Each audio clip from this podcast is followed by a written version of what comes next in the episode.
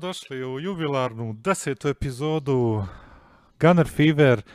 Um, ovom prilikom bismo se htjeli zahvaliti svim našim dosadašnjim učesnicima koji su učinili ovu emisiju posebnom. Nadamo se da ćemo i dalje biti dosljedni kvalitetu koju smo imali prethodne epizode. Sa nama su danas Nermin, Pozdrav. standardni Nermin, a tu su i Ado Bošnjo i Enes. Šta ima da? Yes, Standardni Enes. Enes. Standardni Enes. Enes, ako još jednom dođe, možeš i ti lagano uvod pripremiti. Znači, bez problema. Ispucao sam wildcard. rotaciju da napravimo. tako. Ispucao je wildcard. Evo ovako, ništa, danas ćemo uraditi osvrt na prethodnu utakmicu između Arsenala i Southamptona, pa ćemo onda nastaviti sa previewom za utakmicu protiv Uniteda. Evo, hoćemo li krenuti sa Adom, pošto je nas prošli put krenuo, sad malo Adu da, da krene. Hoćeš, Lado? naravno, može, Ajde. naravno.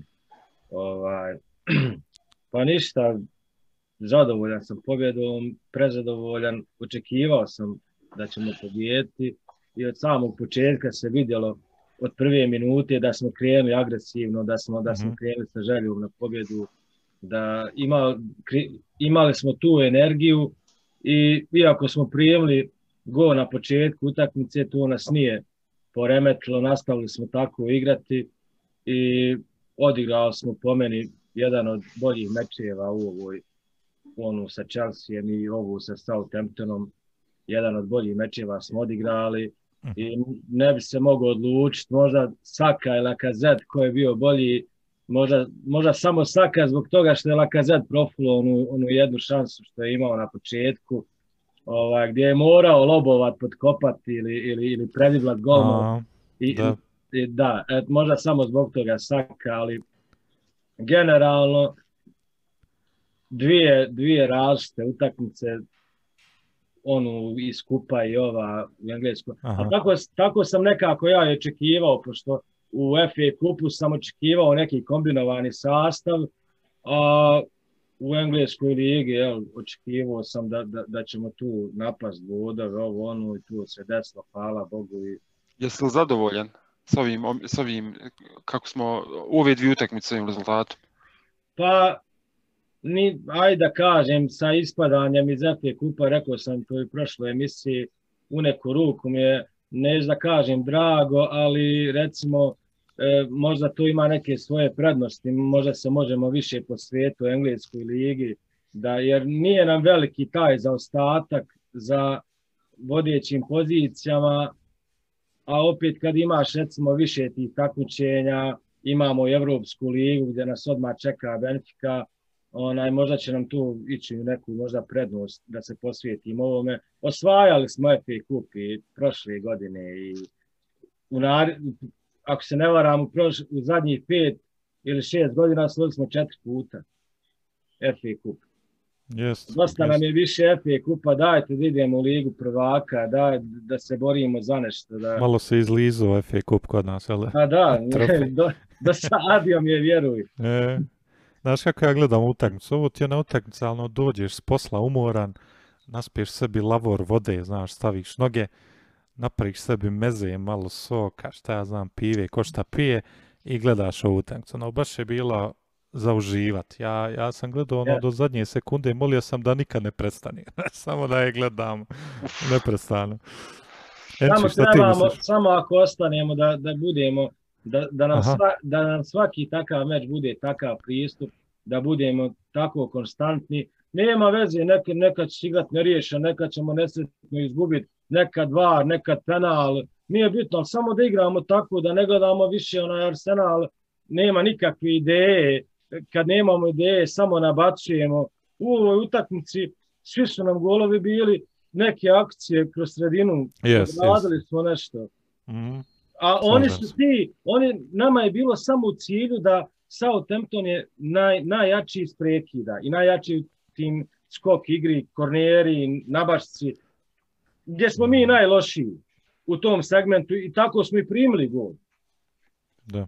I to nam je bio cilj, da to spriječimo, a oni gdje su slabi da mi provučemo loptu kroz, kroz sredinu, pas igra i to i tu se desilo i tako je pokazalo, tako trebamo igrati svaku utakmicu.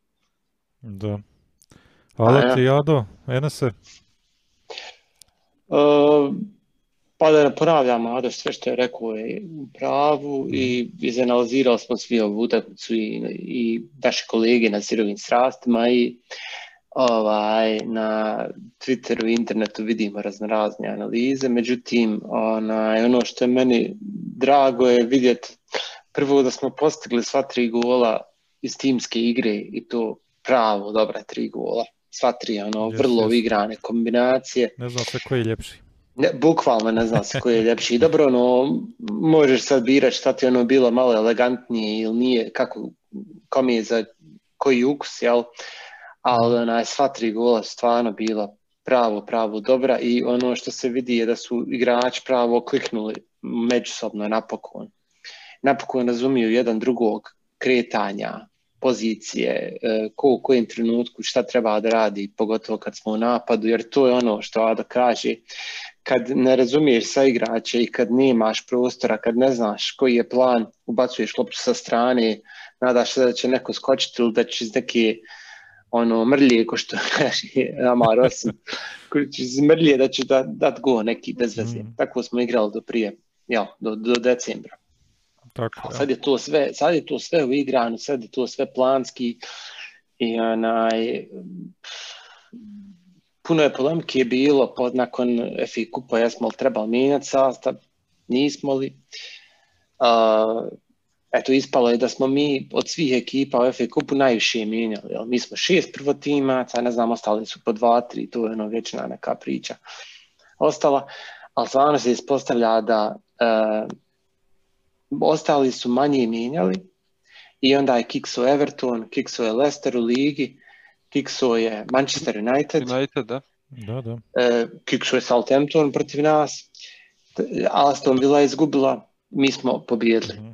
Znači, ono jasno je otprilike šta je, e, šta su htjeli, šta je Arteta htio da uradi. Pokušao je da napravi optimalan sastav u FA kupu, da da nama dovoljno šanse da pokušamo pobijediti utakmicu, a da odmori ono što mora da odmori. Eto, na kraju se ispostavilo da nije samo odmaruo, nego da su likovi bili povrijeđeni. Tirni je navodno Ja, bio ja. povrijeđen, čak i upitan i za ovu utakmicu sa Mhm. Unitedom. E, Parti isto, ne znam, nekog je još naveo. Bio je pravo, ono, jutro smo je bila u stvari preskonferencija, i ono pravo se osvrnuo na to koliko su ga kritikovali za sastav FA kupa i sad je ono htio da im da do znanja, ono, šute malo, ono, ne znate sve činjenice Mhm. Baš tako. i, i onaj, puste ljude da vode klub kako treba, ali dobro, mi smo navijači, nama je posuda, malo pljujemo po svemu, jel? Da za biberima malo, ma Da, ja. ja. Tako da onaj, mi ćemo raditi svoje, neko on radi svoje, super. E, hajde, ti, hajde ja vama dam malo, malo nekih stavkica i onda nek uleti ko hoće za, vezano za utakmicu sa Southamptonom. Evo prvo, evo odmah Hare pitanje za tebe. Znači Pepe na lijevom krilu malo je eksploito onog Valerija visokog, napravio mu probleme, prvi gol to je pokazao. Je li to Arteta mastermind po tom mišljenju? Možeš li vidjeti dugoročno tu opciju? Jer je Saka izgleda integralan na desnom krilu, jer malo taj omjer snaga u napadu se rasporedi Mhm. kako treba, znaš, na lijevom krilu je to drugačije, jer ako on nije desno, imamo Bellery na desno i on, nekog drugog ublahaša i onda je to problem. Jer ne, mislim, nije, nije da ja govorim da Pepe je odigrao tu nešto briljantno, ali, ali nekako mi se dopada taj, taj, taj raspored, pa da vidim tvoje mišljenje. Pa vidi, ono što mi znamo je da je on u stvari došao kao rezerv na Aubameyangu, jer Aubameyang nije mogao iz privatnih problema a, igrati, naime nešto majka mu je bila bolesna, uglavnom sad je sve ok, pa je Pepe došao kao jel, rezerva i po meni je dobro odigrao. Jedan, možda najdraži gol mi je njegov bio, ono malo da i on onaj probije taj led, da, da skine maglu s očiju, zabio je fin gol, meni je baš ono drago i kad je krenulo, ono vidlo se da će biti nešto opasno i onda na kraju zabio, onda opet slavilo se. I onda je čak i uradio jedan dribling, ovako u četvorcu je predriblo dvojicu kroz noge, prvo kroz ono noge, je bilo pa drugo, strašno, ono je bilo... pa trećeg, pa četvrtog kroz noge, pa ono baš kako smo mi očekivali da će Pepe biti. Ali ono ne može, ono ne može bilo ko uraditi. Ne može, ne može. To, tu se vidi da li imaš klasu ili nemaš. Odmah pod trebaš pitanje- biti konzistentan. Pod pitanje, ne se, jel, tako, mislim, slažeš se sa mnom da, je- da je Što Pepe, šica. Pepe igrač koji baš nevjerovatno puno ovisi od tog nekog kratkoročnog samopouzdanja, jel, kojeg razvije, jel, ili forme koju ima, ako zabije gol, ako se osjeća dobro, da on onako nešto napravi, na primjer da poreda onako četiri igrača. Djeluje mi kao da, br- da nije psihički baš toliko jak. Pa to je ono o čemu Arteta priča od početka kako e, ga pitaju za njega, konsistentnost. Ne- Nema, nema konstantnost u igri, konstantnost u formi. To je nešto što se najteže onaj, em, ostvaruje, u, pogotovo u ovoj ligi. Nešto što ima Saka, na primjer. Koliko god da loše igramo, Saka je neko koji možda jedini igrač koji uporno drži neki kvalitet svoj na nivou svojih igara i želju tu i tu mentalnu snagu ima. Onaj, a to Pepe upravo nešto što treba dobiti. To je nešto što se može kroz trening riješiti. Nije da on ima neku falinku koju, koju mi ne možemo kod njega popraviti nikako. Onaj, mislim da definitivno sa ekipom, kako ekipa raste, tako i on može da raste i trebamo minuta. Trebamo minuta, trebamo ovakvih momenata ako protiv Southamptona i mogu bi stvarno biti ozbiljan kandidat za jednu od ovih pozicija na krilima. Što da ne? Ja sam jednu statistiku čuo za Pepe, pa evo, onaj, da je Pepe dao više golova od Marcijala ove sezone za duplo manje vremena provedeni na terenu. Jeste. Eto, Tačno. tako da... Jaka konkurencija Marcijal. Hajde, dobro. Uglavnom, Ajde. United je sad drugi, koji je treći, mora je Marcijal nešto raditi. Onaj. A još je jedna- poprilično, poprilično sličan kalup igrača, izvini Enese. ništa. Po meni, po meni možda, iskreno, mo- možda sam ja lud, ali po meni možda najtalentovaniji igrač u Unitedu je Marcijal. Najtalentovaniji, ovako, onaj raw talent futbalera, neki br- nevjerovatan dribling Flair čak, neki. čak, čak bolji flair ima po meni od Pepe. Znači, nevjerovatan je neki, ali jednostavno on isto, isto kod nikad nema samopouzdanja, isto tetka neka, stalno se Do ljuti mozga je. Stalno se ljuti, nešto ništa mu ne paše, izmjene i, i pasovi, i nikad ne Ice zabije. cool fallove neki. A. Ja, ja, ja, ja. Pa primadona, neki znam da se ljutio i zbog, ono, ne znam, ako ne dobije broj svoj ili nešto tako. A, to je bila, to je bila priča velika kad je onaj, kad je on planirao svoju sav marketinšku kampanju svoju usmjerio na ljeto da, će- da će dobiti broj de, 10 jel, ili 9, ne znam nijako je trebao tad Ja. broj. I to što je Ibrahimović uzeo broj. Ja, Ibrahimović devetku, uzeo, Ibrahimović je devetku uzeo, da, da, I da. sve mu je to palo u uvod E. tada. I tad se pravo ono, naljutio. Nije igrao ono, tri mjeseca posto toga kako treba. Ibra, Ibra poznati kreten, ja. Ovaj, a Pepe zamalo oborio rekord, mislim, to je nemoguće rekao, zamalo dobio lik dva žuta kartona zbog izlaska s utakmice. Ja ne znam šta je ono, Joj, ono je nevjerovatna situacija. Znači, odugovlačio dva može puta svoju izmjenu. šta je ono? Dva puta svoju izmjenu odugovlačio i zamalo crveno. Ali ja ne znam kako može odugovlačiti ako je čovjek tamo Smith Rowe leži i dobija pomoć, hoda gdje hoćeš, rane, svakako se ne može onaj utakmica nastaviti. Pa možda on FA i o- okrene, aj nemam pojma. Ne kontam. Ajde. Bilo kako bilo. Sudija po meni napravio lošu procjenu. Evo još Ado, još Ado kratko za Southampton pitanje. Kad, kad, smo, kad je bilo 1-1, e, Southampton je stisnuo nevjerovatno. Znači bilo je par prilika, Inks s glavom, Volcott, Armstrong je ubijao Bellerina. Znači zamalo su zabili gol. Što misliš da smo tad primili gol, da li bi bili u stanju da okrenemo? Sad je to malo hipotetički, ali Pa, e, k- je, jesi vidio, mislim, vi- vidiš li ti neke, ima li neka negativna strana ove utakmice da bi možda istaknuo? Što se nije svidjelo? pa odigrali su, skoro svi su odigrali dobro i u odbrani. Taj, eto, Kiks je bio, ja mislim, tad kad smo gol primili, da je, da je tu Pepe čak bio. Pepe je bio na spavanju, ja. Da, da, ovaj, i da smo primili taj drugi gol, da su oni poveli, opet bi očekivao u najmanju ruku, možda ne riješeno da izvučemo, jer stvarno smo igrali dobro i moram se nadovezati na Pepea, ovaj, da kad sam vidio, moram biti iskren, kad sam vidio da je u sastavu, meni je bilo zlo. a da nije tu. Ja sam, ja sam iskreno očekivao Martinelli, a i tu sam i na Facebooku komentarisao na stranci, rekao ne mogu da vjerujem da je on dobio prednost odnosno Martinellija. Ovaj, ali eto, konačno odigrao neku solidnu utakmicu, odigrao je dobro. E, mislim da ne treba biti nešto negativan u ovoj utakmici protiv. Southamptona. Po mom mišljenju smo pokazali da kako se treba igrati i kako treba krenuti u utakmicu. Dakle, možeš nekad primiti gol, nekad će biti penal, nekad će biti e, nesret, nesretan gol, autogol, ne znam, ne znam šta, ali ovakav pristup kakav smo imali protiv Southamptona, tako svaku utakmicu treba da igramo.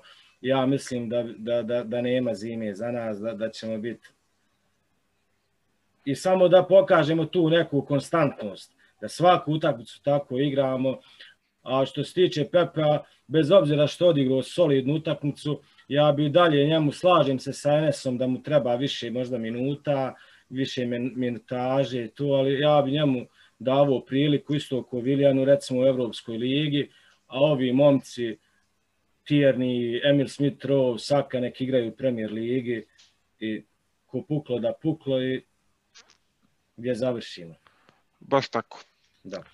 Um, u formi jesmo, znači 16 bodova jel, od 18 mogućih i um, igramo jako dobro, kvalitetan futbal se igra, izgleda Arteta e, osmislio neki, neku filozofiju, pogodio je sa par izmjena u krucijalnim trenucima u sezoni, Smith Rowe naročito i e, sada slijedi međutim veliki test ja, ja lično sam spremao kao neke bilješke, međutim u, među, u vremenu spremanja tih bilješki desio se poraz Uniteda. Radim, utak, radim utakmicu sa Manchester Unitedom, e, velik, najvećim e, rivalom našeg kluba, od kad ja barem pratim klub, i oni, bi, oni će svi vjerovatno reći da uz Liverpool da je, da je, United, da je Arsenal najveći rival. Jel, njihov, njihov um, United koji je u značajnoj formi bio prije utakmice od sinoć, jel, koja je malo možda iznimka upravo iz razloga koje ne snaveo. Rad, igrali su sa jakim sasom protiv Liverpoola i, i odigrali su sjajnu utakmicu protiv Liverpoola, e, mislim sjajnu general, za gledao, neutralne gledaoce, a, Realno. a onaj, u veći, mislim da je u većem dijelu utakmice Liverpool imao neku terensku dominaciju, međutim e, United iskoristio stvarno svaki onaj pad koncentracije, postigli su tri gola i pobijedili su uh, u odličnoj utakmici. Sada imamo protivnika koji je uh, sa strane u nevjerovatnoj formi.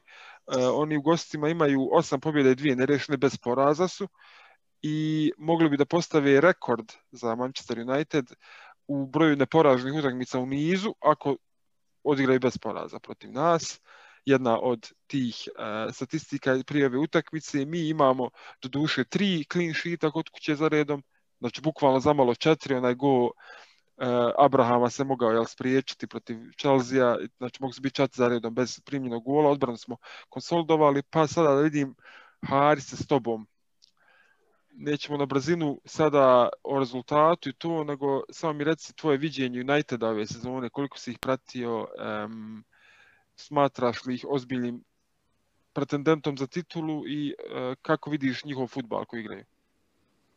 Mislim da United manje više na sreću na ovoj poziciji gdje jeste.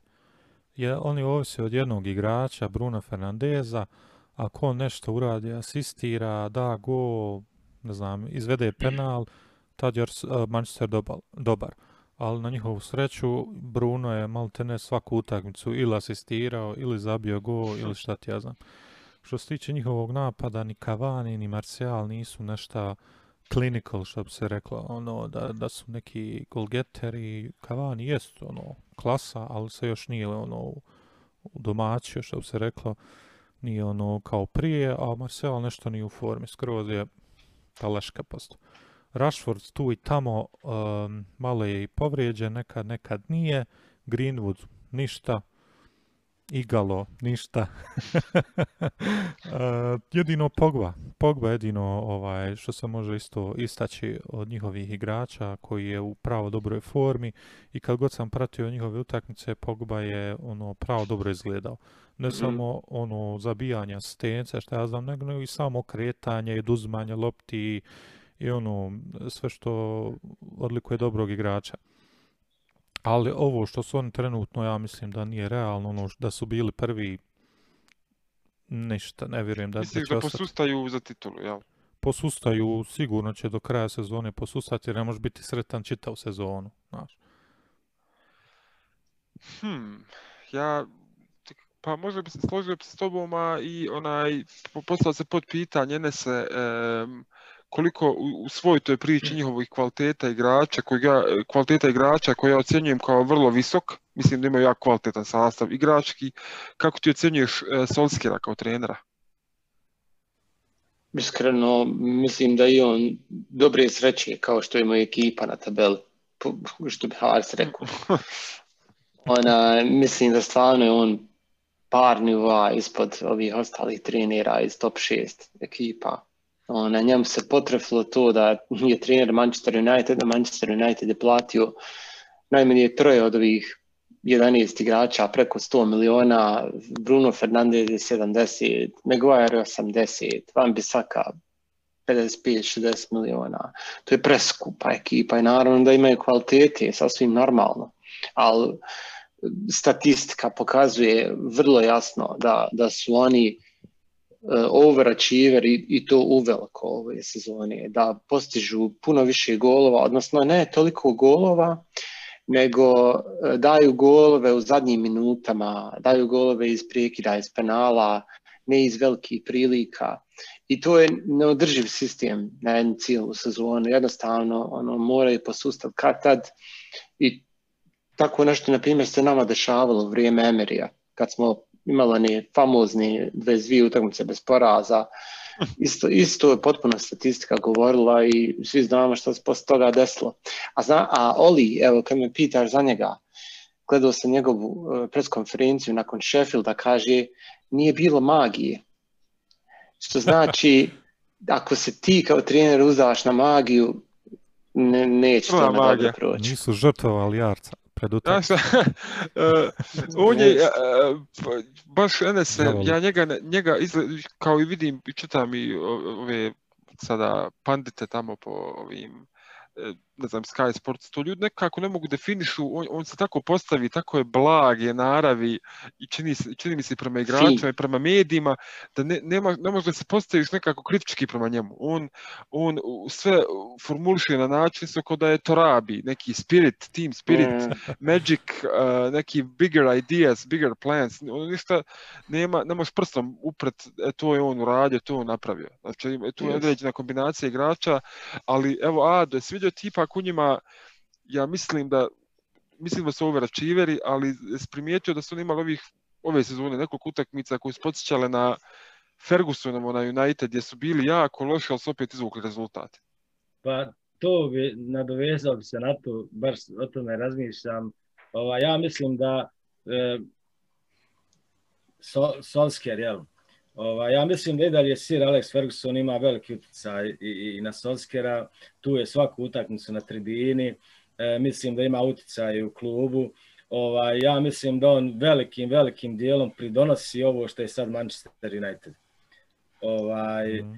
I ne bi bio tu na kraj krajeva, ajde, cijeli život je u Manchester United u redu, dolazi ko navijač, ali mislim da ima uticaja. Solskjaer je relativno mlad trener, bez ikakvog iskustva, bio je samo jel u Moldeu prije Manchester Uniteda, ovaj, složio bi se sa Enesom, on recimo ranga sa ovim trenerima iz 5-6 ovih klubova nije, nije nikako u rangu.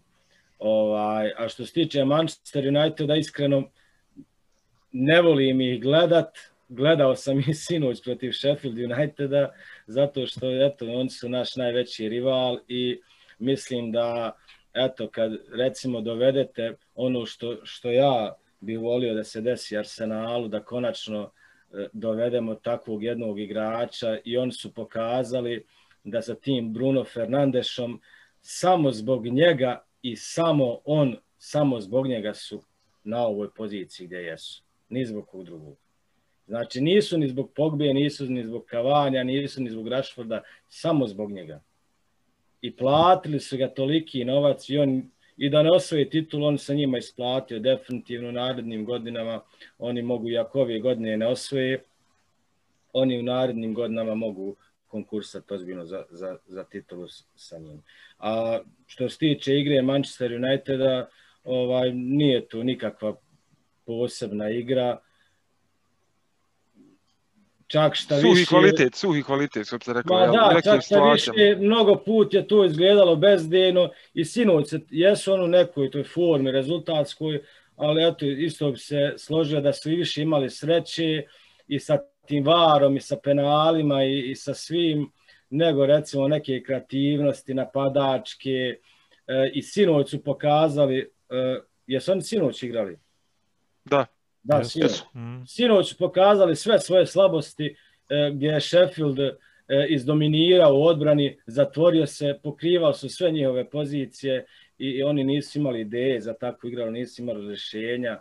Ovaj, i, eto, čak, čak šta više, ja bih volio da su oni taj meč i dobili, pa da i mi prekinemo taj niz, Međutim, koji je počeo, taj niz je počeo posle našeg poraza, da, poraza da, od Arsenala, pa sam mislio da. da zaokružimo, to sam ja bio zapisao. E, on ali... će svakako, pasite nešto, on će svakako više ozbiljno uzeti meč protiv Arsenala nego protiv Sheffield Uniteda koji je dole zadnji na tabeli, ali sad nakon što su izgubili od njih, sad će još više uzeti za ozbiljno taj meč i mislim da mi trebamo onaj se pripremiti i ako budemo odigrali i još jače moramo dati gas kao protiv Southamptona, mislim pa, da, da se pa, e, mora se, mislim, opet pohvaliti, jel? ne mogu reći baš pohvaliti, pak rezultat to ne govori, ali Solskjaer izgleda planira e, za Arsenal definitivno, jer ima utakmicu protiv Liverpoola koja je bila jako naporna, e, nije igrao Luke Shaw, koji je vjerovatno u najboljoj formi, jel, od, kad, od kad je Unitedu, nije bio u timu, Fred nije bio u timu, um, ko, ko još nije bio, nije, u odbrani McTominay nije bio u timu i Tuanzebe koji je, eto, i, i koga su već ubili tamo na društvenim mrežama, ja. satrli ga, on je igrao, ja, a nije igrao, Lindelof, Lindelof i Bailey nisu igrali s tim da ako Bailey ne bude igrao, ja sam vidio da ima neku malu povredu, ja sam sretan jer Lindelof stvarno je tu i tamo igrač, nije stvarno konstantan, konstantan može se napasti. Um, u, u posljednje vrijeme mi bolje igramo protiv Uniteda, historijski, od kad ja barem pratim uh, Arsenal, u doba Invincible sa te generacije bili smo konkurentni, konkurentni, onda dugi niz godina apsolutno nismo. Oni su obarali rekorda na nama i golova 8-2, ko se neće sjetiti, ali u posljednje vrijeme, ali u posljednje vrijeme smo opet zagrizli, imamo, imamo neke lijepe pobjede, lijepe uh, trenutke protiv njih i oni čekaju odavno već pobjedu, znači od, od aprila 2018. ja mislim, nisu stvarno pobjedu. Um, šta, šta se tu e, još može reći? Znači, mi... Evo da te pitam. Da, reci. E, rekao statistiku koja njima ide u korist, fantastično da nisu izgubili ove sezone u gostima. A znaš pred koga su zadnji put izgubili u ligi? U gostima? Ja. Je li to od Arsenala? Jest. Znači, znači, da budemo... znači, ovaj Sheffield nam je malo pokvario to, ono, mogli smo im biti zadnji poraz i kući da u gostima. Chain breaker da budemo. Sada, e, kako, kako sam je napisao u, u agendi, e, prije, prije bih sad e, najdraži gol protiv Uniteda da vidimo, samo kratko, Haris, imaš li neki ovako iz rukava? Jo, hajde, ajde ja da zadnji bude, nemoj sad dok razmislim. Ado. Ja ovaj, ne mogu to zaboraviti, moram reći, onaj, recimo, eto, najljepši gol je bio, e, e recimo, Thierry Henry, ali to je bilo 2000, ja mislim, godine, mm -hmm. i ne mhm. sjećam se, i ne sjećam se nešto, Bog zna šta to gola. On je definitivno jedan od najljepših, ne samo protiv Uniteda, nego u ligi, ono kad je iz voleja, kad je primio loptu. Ovaj, ali meni, meni ostao u sjećanju gol, recimo, 2007. E, zimi, ne, ne mogu se sjetiti koji je mjesec, ja mislim drugi dio sezoni, 2007. Igrali smo na Emirecu, to nam je bila prva sezona nakon što smo prešli sa Hajberijom. Znam. I, iako smo mi završili, iako smo mi završili tu sezonu kao četvrti na tabeli, oni su bili prvaci, ovaj, gubili smo od njih 1-0 i 1-1 je izjednačio, ja mislim, Van Persi. I u 90. minuti, 91. Uh, nabačak je boja za Anrija glavom, on je to pospremio. Ja, Anri glavom, jes, prvi da, go, da, prvi da. Go. Ja sam bio u nekom lokalu, sjećam se, bio sam u nekom lokalu, pratio sam utakmicu, ja sam taj go skočio, ja sam jedno pet minuta samo trčao gor dol, vrišto, znači svi su gledali u mene šta je ovom, šta mu je. To, taj gol nikad neće zaboraviti. Kakav je ovo pacijent? Eto, da. Enese. Uh, meni je najdraži go uh, što smo im dali, ako se sjećate kad smo ih polomili 3-0 na Emiratesu, uh, kad su ih ozili, ozili Sanchez, kad su ih izbaltretirali, onaj prvi go je bio stvarno, kad je uh, Sanchez petog završio. A Ozil bacio mu sa desne strane. A meni je bolje onaj kad ga je probio, kad ih je probio onaj drugi go. Ma je, treći je to bio. Mislim, drugo, drugi je Aleksov, ja, ja. Ja, ja. Onaj, Sotrić bilo dobro i onaj Ozlov je bio dobar, ali onaj prvi mi je bio baš ono, mangovski. Joj, Aleks je tad bio u, u bolesnoj formi, nevjerovatno je bio. Hare? Pa ovako, ja meni su najdraži oni Velbekovi golovi što je on zabio svom starom klubu, znaš. Pa je slavio. To mi je najslađe bilo kad on slavi protiv United. to je bilo za FA Cup, je tako? Ona, za dva puta polufinale nešto. Znam da je jednom, ja, dva, Čet dva finale zabio i oba je slavio. Yes. Ja. Idemo sad na sastave, zanima me, evo idemo Ado prvo od tebe, e, šta vidiš, imamo problem Tirnija, ako bude igrao. Ako, ne bude, ako bude igrao, nemamo problem. Ako ne bude igrao, jeste zadovoljan da tu bude Cedric. Drugi problem koji ja vidim, e, koji me jako iritirao prije par dana je David Luiz. Ja njemu, došao sam već od nekog levela gađenja, ne mogu da ga gledam, mislim nikako. Znači, sad me zanima da li, da li da igra se tu Luiz ili da igramo Gabriela, jer Gabriel je možda u nekoj fazi recovery i dalje, Artetin ovaj press conference mu ubijedio da on sve radi smisleno, da on ne radi ništa baš ono na pamet. Možda tu imaš neka povredica ili još neki umor koji on vidi, ali evo znači taj štoper drugi, e, zanima me ako Aubameyanga ne bude, jer malo mi izgleda kao da Arteta blefira, nisam siguran koliko je mogao trenirati Auba, to s tom mamom problem, kažu da nije ni bio u državi, ne znam e, da li će zbog korone moći uopšte da bude u timu, znači imamo lijevo krilo, lijevog beka, štopera za svu trojicu to pitanje, zanima me što vi prognozirate tu, koji će sastav biti, evo, Ado početi. Pa mislim da, mislim da će David Luiz biti sigurno timu, iako bi ja lično volio da, će, da bude Bel, ovaj, Gabriel. Mislim da će on biti i nadam se, mislim da bi mogao Tjerni opet ovaj, nastupiti. Ako ne, sasvim sigurno Cedric i mene iznenadio zadnjih par mečeva i ovu zadnju utakmicu protiv Sotona. Stvarno je odigrao dobro, odigrao je korektno i mislim da je on trenutno naše najbolje rješenje na toj poziciji. Ako, izvini, ako bude Tirni tu, da li bi Cedrika stavila desnog beka?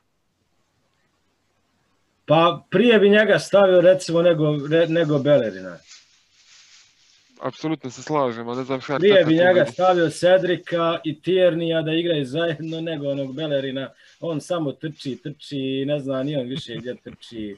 Ode čovjek. Napad, ne znam što se tiče Obemeyanga, da li će biti, neće, mislim da će biti Lakazet, Saka tu, standardna ekipa, Laka, Saka. I?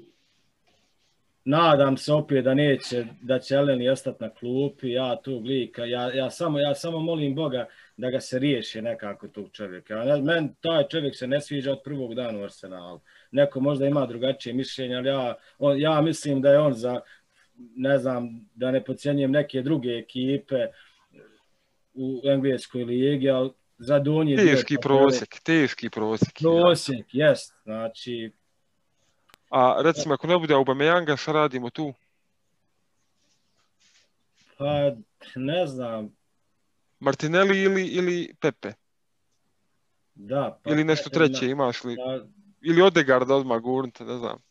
ne bi ovdje, mislim da on neće, ni, možda bude konkursu, možda bude eventualno na klupi, ali mislim da ga neće odmah gurnuti u vatru i to protiv Manchester Uniteda ja mislim da je tek odradio trening neki solo, individualni nešto.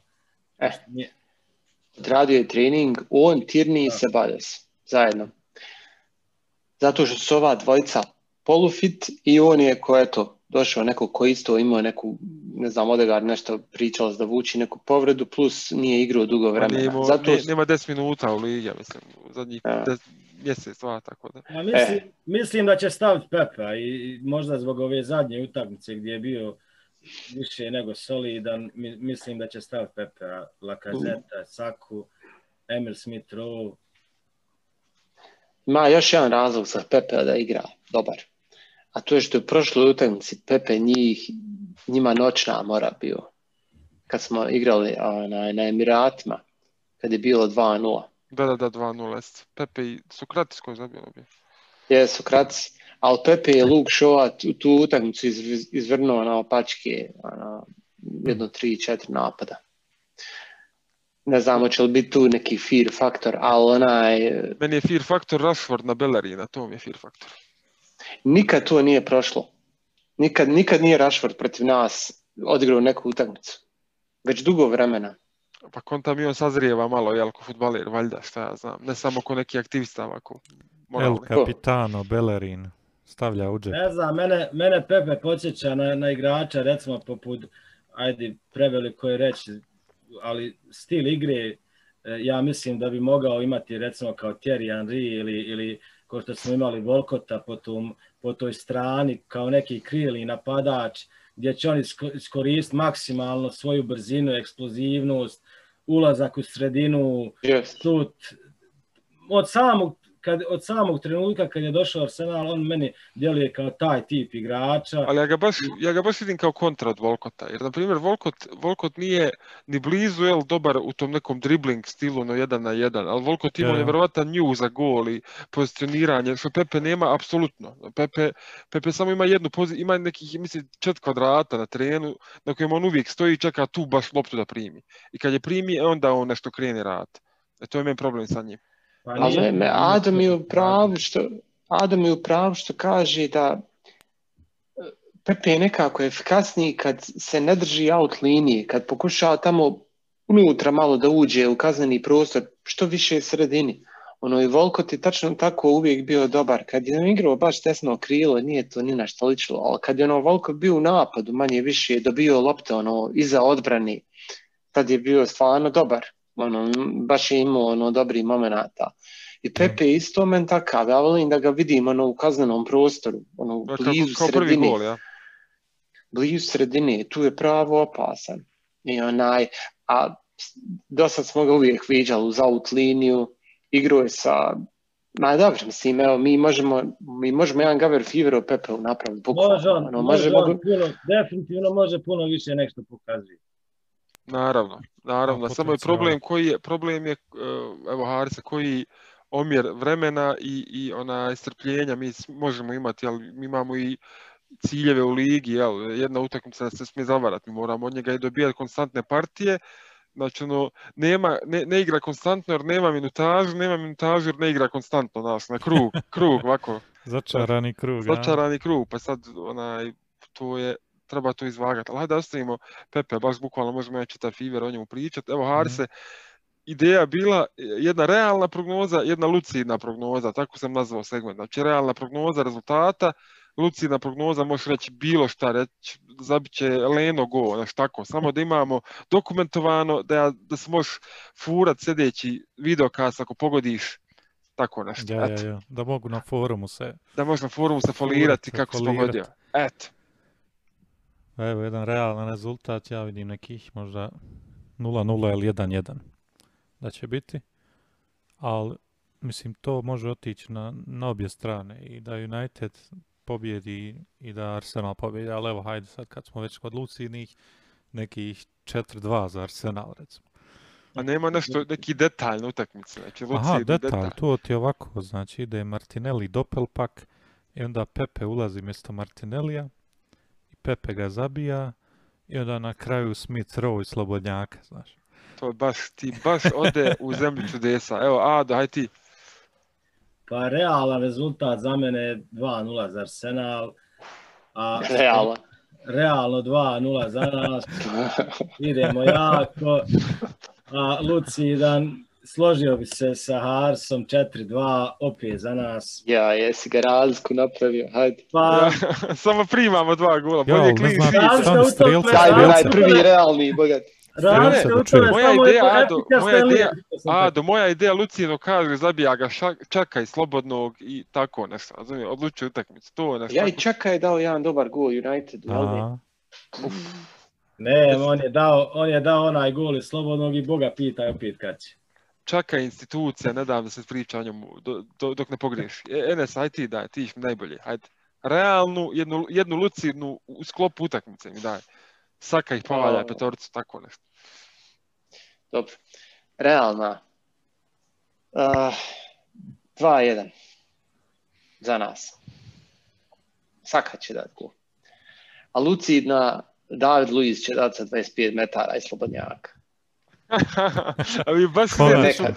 ta lucidna baš ide ono... A lucidna ti ono nostalgija, znaš. Evo, ja sam Velbek će, Velbek će sići sa Emirata, ali ozgo neđe uće. Da će vas daj, bolan, ja sam očekivao neku Sletće realnu, da možemo reći, Enes je 28.1. izrekao to i to se desilo. To pa meni, hajde da čujemo tebe, ti, to je, ajde. evo, moje je isto 2-1, znači Ja? prognoza, a Za nas, jel? za, jok, 2-1, 2-1 za nas. A Lakazet, Lakazet zabija golčinu oko s 20 metara, eto, to je moje. E, jesi lucidan. Pa to je lucidno, jer ako pogodim, Nije to lucidno, Pa nije to nerealno. to je realno. Zatim, Pa evo, kad se desilo? kad, kad je Lakazet zabio Manchesteru s 20 metara gol, evo. Pa nije Evo, on evo, evo mu prilike.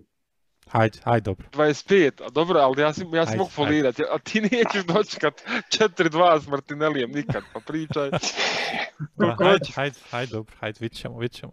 Živi bil pa vidi. E, uh, Harse, by the way, 0-0 smo mi odigrali zadnji put, ja mislim, na Emiratima prije 4-5 godina u ligi. Jel? Pa To ti ga neće biti.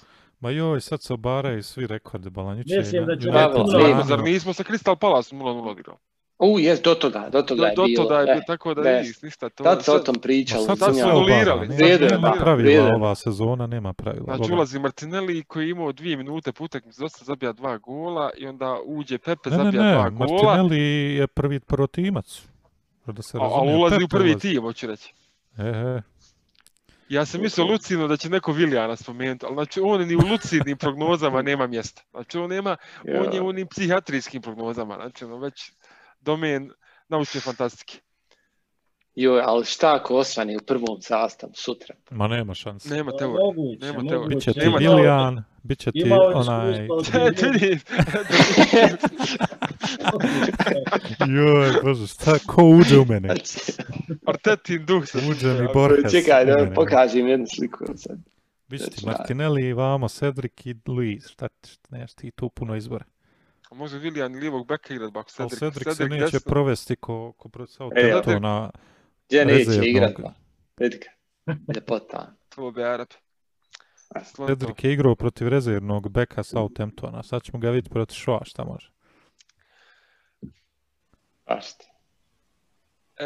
Aj, mislim, da je, mislim da je rijed kratko da a zaustavit ćemo se za United, mislim da je rijed kratko da spomenemo uh, Odegarda, sad je i kupljen. E, šta znate o Odegardu kratko i šta očekujete kratko? Evo, evo Harse. Šta znam o njemu? Znam da je kao 15-godišnjak e, prvi put pozvan u reprezentaciju Norveške, da je, zaigrao, da je zaigrao s 15 godina, da je došao United sa, ne znam, 16. Real Madrid. United, Real Madrid. Jo, ostario sam. Ja, ja, ja. Sa 16 i da je nešto dobar bio, pa loš, pa posuđen tam vamo. Uglavnom na kraju u Sociedadu prošle sezone je bio jako dobar. Tako da ja očekujem da on može fino zamijeniti Smithrowa, da će biti on i Smithrow neka rotacija do kraja sezone. E, znaš što je interesantno, za Enes, Enes tu sigurno. Prvo njegov intervju, em, Mhm. nevjerovatna mi je reakcija njega, on je ipak taj neki wonder kid, jel, svjetski, da, da je nekako oduševljen Arsenalom, čini mi se, i plus da, danas pitanje za Artetu, Arteta nekako nije, znaš, ne se kad Arteta, ono, kad ga pitaš nešto mu ne paše, on to nešto, neku svoju floskulu, baci neku floskulu standardno, znaš, we will assess that, ovo gluposti, a za Odegarda su ga pitali kao dugoročno, vidiš li ga, eventualno, ono, kad bi, on bukvalno kao dao je neke naznake kao da bi se dugoročno taj Odegaard mogao naći, jel, Mhm. kao ovisi od Reala, ovisi od ovoga, pa Enese, kako ti sad ocjenjuješ, evo prvo Odegaarda, koliko znaš, i kako bi se mogao uklopiti i to, s Artetom, taj njegov odnos. Uh, ma meni to više postalo nevjerovatno, ono, koji god igrač da se ono dovede u špekulaciju za nama, sa, sa nama i da ima izbor, ono, bira u koji će klub prijeći, ako smo mi u igri, sigurno prelazi kod nas. Ono, taj Artetin pool, taj je postao nevjerovatno, ono, onaj, znam da menadžeri ono, pričaju sa igračima prije što odluči za koji će klub, ali on s kim god da progovori, izgleda to, isto ima neki, ono, Different knock, što bi rekli. different, e, što je onaj bivši rekao, jel, Mm. onaj, on očito ima taj neki način, isto ko na preskonferencijama, savršen je, ono, u, svemu što kaže, ono, savršen je, ono, on- on prodaje te stvari nevjerovatno dobro. I vjerujem da ima istine u tome e, što govori za dugoročno, a ja prognoziram i pisao sam na formu da po meni možda i postoji mogućnost da igraju i Emil Smith-Rowe i on u istom sastavu. Pa jeste, on je dosta bio i u, i Sociedadu i na desnoj strani. Znaš, ono, kao de- de- desni midfielder, a čak i neka ta iza. A sad malo mi je to preofanzivno, jel, da igraju i on i, i, i Pa Odegaard. ono zadnjih Jedino 15-20 da- minuta. ako Jedino da baš Tomas, da to. Tomas baš Da. postane hobotnica iza, jel, da zaustavlja sve. Ali ja, evo, ja Ja. sam, ja moram reći iskreno da prošle sezone sam pogledao par susreta Sociedada i bacio sam se na YouTube, kompilaciju sam pregledao, on bolesno izgleda na YouTube. Mislim, Jest. nije, nije, i i Pepe i stvarno, Pepe je možda i luđi na YouTube od Odegarda. Ono, na prvu. Ali igrač onakav nam treba definitivno. Ako ona in form Odegaard je ludnica. Znači, stvarno Jest. ludnica. Momak je tad Jest. imao Ko, 20, ko, ko Ja. PlayStation neko da igra, bukvalno. nevjerojatna vi- ljevak, znači ta- tako mehak pas, siguran na lopti, kao Tomas, samo ofanzivnija verzija, eto tamo reći, ali nije, nije toliko ofanzivan, mislim, koliko ljudi misle da, će, da imaju igrača, jer on, on je nek, negdje između osmice i desetke, jel, ajmo reći tako neka, možda idealna pozicija. Ko Vilok neki, a da valja, eto. Mada su ljudi rekli na forumu da on nije bolji od Viloka. Ko dobar Vilok. Vilok na steroidima neki. Ko Vilok na steroidima i malo izblijedio. E, E, Yes. Onaj, Edgar, Mm. znači možemo računati Edgar. na Edgara da, da će nam donijeti dobro. Znači, Mm. a, do reci sam kratko ti još. Pa moram priznati da nisam, da ga nisam pratio Edegarda, nisam ga gledao. Znam samo da još dok je imao 15-16 godina da je bio proglašen Wunderkidom i tim ko nekim novim norveškim Messijem. I zbog toga, Jest. je, zbog Tako toga. Da, zbog toga ga je Real Madrid i doveo. Ovaj, I mislim, meni je malo muka, više Arsenal je postao poznat pod tim dovođenjima nedokazanih igrača, ovaj, većinom. Ali eto, opet s druge strane, ako, ako se iko može dokazati, ovaj, može se dokazati u našem klubu, jer mi smo poznati po tome da kod nas mnogi igrači procvjetaju gdje nisu prije dobro igrali ovaj kod nas znači samo eto je pitanje hoće se uklopiti u engleski stil igre nadamo se da neće biti ko sa ovim eh, parovi Francuza ili Ili recimo Denis, Denis Suarez. Denis ili Suarez, Suarez, Denis ja. Suarez nadajmo se da će biti eto, neko osvježenje. Nezahvalno je sad komentarisati, ali neko dugoročno rješenje za nas pokazat će mjesec, dva, par utakmica, vidjet ćemo ga što mene raduje, mislim, ljudi ga porede s pravom sa Suarezom, ali Suarez je prvo došao u nekakav nakaradan sistem, jel, koji je bio u klubu, dok, je, dok Odegar dolazi u sistem koji je baš prilagođen tome da dođe neka desetka da igra futbal, taj koji on hoće da igra. I zato oni govori da je bio krucijalan taj kontakt s Artetom, Arteta je vjerojatno objasnio sve viziju i to je stvarno lijepo čuti da imamo i dalje taj neki pool, jel? I, mhm. ali meni jednostavno kritika ne ide pod kožu za ovaj za ovu posudbu. Jer ljudi očito nisu svjesni da niko ništa ne kupuje. Znači, kritika? niko ništa. Kakva kritika? Kritika, generalno kritika što smo mi posudili igrača, što ga nismo to kupili. Ma ko to? Isto kao da smo imali opciju da kupimo sada trajno nekoga koji liči Iole na nešto. Ma, Jedino Vilšera smo mogu kupiti. Vilšer odmah zabio gol, drago mi je, ja, svaka, čast. čast yes. Ali koga si ti realistično sad mogao kupiti da je nivo ne Arsenala, nego ne znam, Arsenal. Ne, nema niko love, ba, ko će išta kupiti, niko. Tako da ovo fenomenalan put. Ljeti možda možemo očekivati nešto, nadam se. Ali ono što mene raduje kod Edegarda, gledao sam ovaj, ovo sad, kad je dao na oficijalnoj stranci, kad je intervju dao vezano za prelazak i za potpis. Ono što mene raduje, vidi se na njemu da je sretan, da je nasmijan, da je spreman za neki novi izazov i nadam se da, da će to pokazati i na terenu. Mm. Da će prenije taj osmijeh njegov. Moj Ado, moj Ado, kad bi mi njega kupili, vjerujem, ono je, ono je Ozil 10 godina ranije, 12 godina, jer on je prvo marketinški, on je futbaler ko nacrtan, on je priča... Koliko, koliko, on, koliko on ima sad godina? 21, 22, pardon. O, 22 godine. Znači on ima prvo engleski mu bolji nego Artetija, Arteta 20 godina u ligi. Prvo, nevjerovatno, prije, prije svega. Ali o tom potom, ovo je samo kratka najava, nadamo se da će se ostvariti i da ostane long term. E, sad prelazimo na kviz. Jo, hajde. Opa, Idemo na kviz. Idemo A, uhvatiti odmah hladnog, nije, on nema iskustva, A do ti prvi imamo kviz. Ne znam, je gledao prošli put. Kviz je o igraču Arsenala, e, spremio sam 5-6 sintova za igrača, idemo redom. Ako pogodiš, uspješan si, ostvario cilj, ako ne pogodiš, smijemo se, e tako. Eto. To je Jel to. to ono što je bilo na live-u? Nije, live je bio, Nije. live je bio sa Čebom. Live je, live je kopija. Svaki ima kopija, svoj neki kopija, kviz. Pozdrav, Čebi. Fuš, fuš. Fuš, a Čebo je baš ono, on jednu riječ da prema svom nekom nahođenju, onda baš intuitivno. Ako ja ti dam činjenicu, bukvalno pa ti prema činjenici, vidi, evo, znači imaš tri puta, tri puta pogađati, tri igrača, na tri imena možeš reći ako fuliš ta tri, onda ja, tako da budi onaj oprezan s trećim tim. Tako, e, krećemo sa kvizom. Prva činjenica za igrača Ado, broj dresa njegovog u arsenalu mu je statoviran na leđima. Ja mislim da znam već. Šuti ti. ti Podolskog spogodio sedmu put, tako da polako. Donar, donar. Ja. A, doćemo dalje ili Dalje, dalje, ne, ne bi dalje. znao. Ne bi znao. E, u reprezentaciji je dobio nadimak mladi Einstein zbog ljubavi prema nauci. Ovo te malo zagrijavam. Ako ja, ovo bude znao, ako ovo bude znao, to prekidam. Znači, idemo dalje. Jelad. Ma dalje, dalje. Ma dalje, a. E, treća činjenica. Roditelji su mu porijeklom iz Srbije.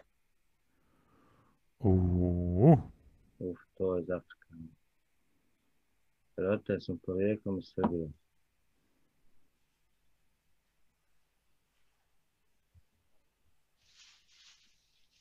Znači radi se o igraču Arsenala, ne mora biti aktuelan, može biti bivši. Ja ti neću reći, ja ti neću reći, ja ti neću reći koji. Molim? Pa vjerovatno je bivši. Ne Ajde, to je svoje nagađanje. Idemo dalje. Uh, četvrta činjenica, neki od njegovih saigrača tokom karijere su Mark Andre Ter Stegen, Torgan Hazard i rođeni brat. S tim da ja neću reći koji je, ali rođeni brat. Njegov rođeni brat. Enes se slomit ćete. Alo, Enes, dobit ćemo ban na YouTube, šta to radi? Slomit ćete Enes. Ja, ba nemoj da... Jo, Gdje ti nađe sve te činjenice? Šut, pripremio sam se. Ej, Idemo sad dalje. Man priprema 10 dana ovo. Ima kako ja nes, na, na godišnjem. Ovaj, aj, Ado, o, imamo još dvije onaj, činjenice. Peta, e, on i njegov brat igraju za različite reprezentacije. a, to je ovaj... Kolo Ture. Ja, E, idemo dalje. Nije. Dobro, nije, nije loše, Nije, nije. ali... nije, Dobro. dobro, ideja. s- dobro sprovao. A, nije igraju oni za istu reprezentaciju. igraju za istu, ja. Ja. Nisi dobro probao. Hajde, Moram Onda idemo, onda idemo na zadnji hint i ovo bi trebao znat. E, bio je i više nije kapiten kluba.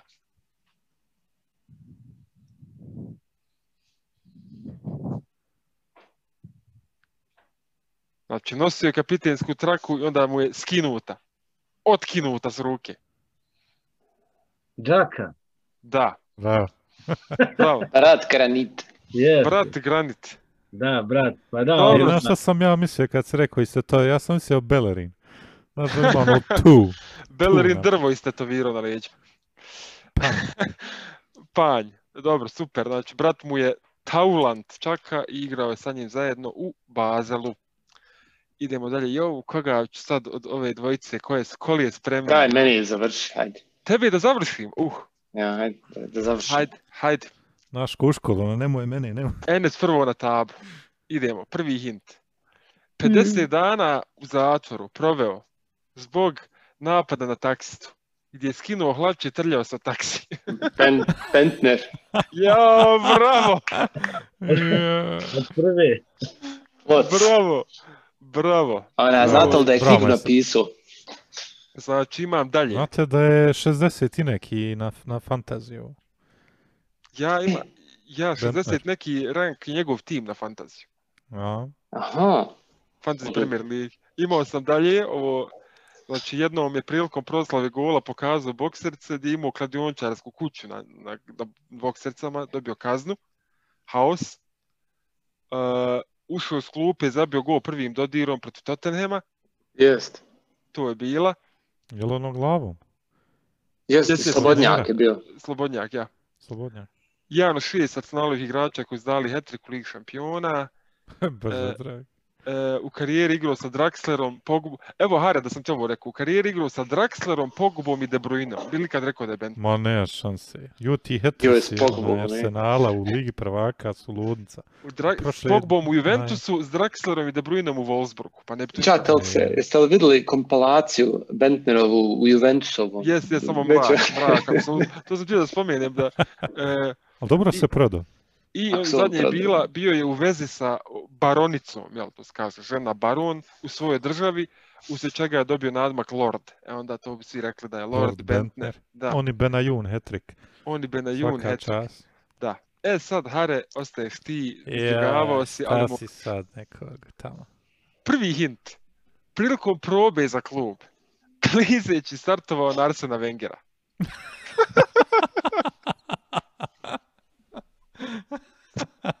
Potvrđeno, potvrđeno, potvrđena informacija. Znači da je potvrđena u eri. Arsen Wengera igrao. Bravo, bravo. Te. ponešto, ajde. Dobar. A, na probi. Ko bi to moglo biti? Da nije Diaby. Nije. Jo, ja mislim da znam ko je, hajde. E, drugi, Ajde druga, drugi hint, 120 nastupa za reprezentaciju. Ja više te reprezentacije. dragi. Mora, pa ne, to znači da neki ozbiljan igrač koji je duže igrao za repku. Nije malo 120 nastupa za reprezentaciju. Nije imao Diaby, evo odmah. Hajde dalje. Diaby nije imao dva. Ramzi. Neće Ramzi let klizeći Wenger. Nije klizeće i nikad uleti. U karijeri je igrao s ovim saigračima. Benteke, Owen Hargraves i Edin Dzeko. Joj, znam koji je, hajde. Šuti Sad bolan, znaš. Znaš sva tri. I, i ovo Anelka te slomio zadnji put. Vidim, vidim, znao ja da Hargreaves. ti se uhvatio najgore će Owen Hargraves. Kako da ti on pomaže išta. Kantam da nismo koga iz Wolfsburga doveli.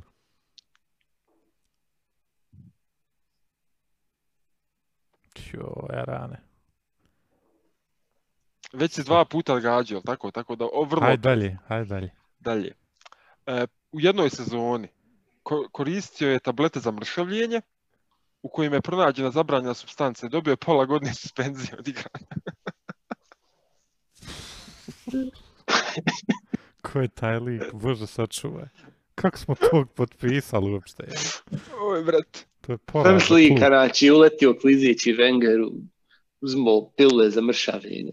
I brate, nas tamo kontalne doping. Ne, nevjerovatno. ba. Ne Nemaš znam, plana, dalje. jel? Nemam. Ne znam. Osvojio englesku ligu zajedno sa bratom. I Et, U Arsenalu. a, oć- moram servirat, servirat ovdje Brajlović. serviraj. Osvojio je englesku ligu zajedno sa bratom. Hajde, nema veze, nećemo ništa govoriti. Nije čaka, ali tako?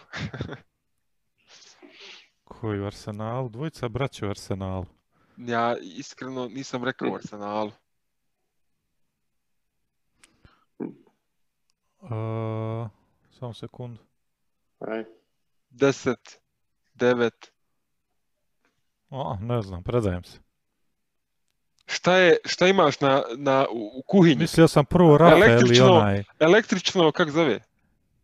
Kolo Turej. E, Brat, Čekaj, kad je s bratom? Jaja Sa Ture. Sitijem, jel? Jesu, jesu igrali Aha. Taj, Hari se dragi. Tebi sljedeći to je put, prije Andrija. moje ere, bolan. Kad je on došao u put. Arsenal, ja nisam bio Kako ni bolan? navijač.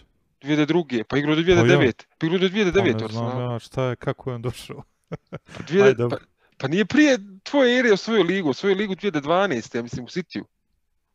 A ne govorim je to uklizavanje. A uklizavanje je To, to je Wenger, to je Wenger izjavio, ja mislim. To je. Wenger i, i Ray Parlour je to potvrdio još neki. Prvo je, došao na, brate, došao je na trening, slomio je, dobar. slomio je Andrija, Yes, Berkampa i yes. Wengera za redom.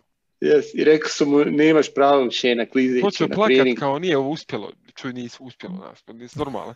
I onda je rekao kao Wenger, vidi sad da ima želju, nije normalan. Yes. Jeste, Ja Andrij prvo- rekao, ova, ovakav nam treba. Daj nam Ja ovo. kontam onaj Gary Neville film. Odalo je- onaj odalo ovo Rafael i onaj Odalo je ovo kad je rekao da je svoj Gary Neville u Arsenalu, e majko. Pa ja kontam, a nije. Pa Rafael, pa nije. Pa rekao, ne znam, onda stvarno ne znam. Ja Rafael i Fabio, ja nisam nikad. Fabio, ja. Justin Hoyt, je li onaj brat mu, kako znam? Gavin Hoyt. ja. Gavin Hoyt. Uh, sretan sam, dobar kviz. E, dobro, Raja, Dobro, da, dobro. da ne odugovlačimo više, ovo je bio deseti jubilarni Gunner Fever, ispred udruženja navijača Arsenala Bosne i Hercegovine. Mi smo samo četiri forumaša aktivna koja volimo da pričamo o futbalu i o Arsenalu, pogotovo vi možete biti dio ovoga prije svega like, subscribe, ako vam se dopada sadržaj, tu je još tu su sirove emocije sa Skipperom i Damirom i ekipom, live radimo sa Čebom i go- uvijek imamo interesantne goste, ako ne imate nas, uđite vi ako hoćete, postanite član foruma udruženja, ako navijate za klub i pratite nas do kraja sezone, idemo do Europe. Pozdrav! Tako je. Vidimo Pozdrav. se. Pozdrav. put. Ćao.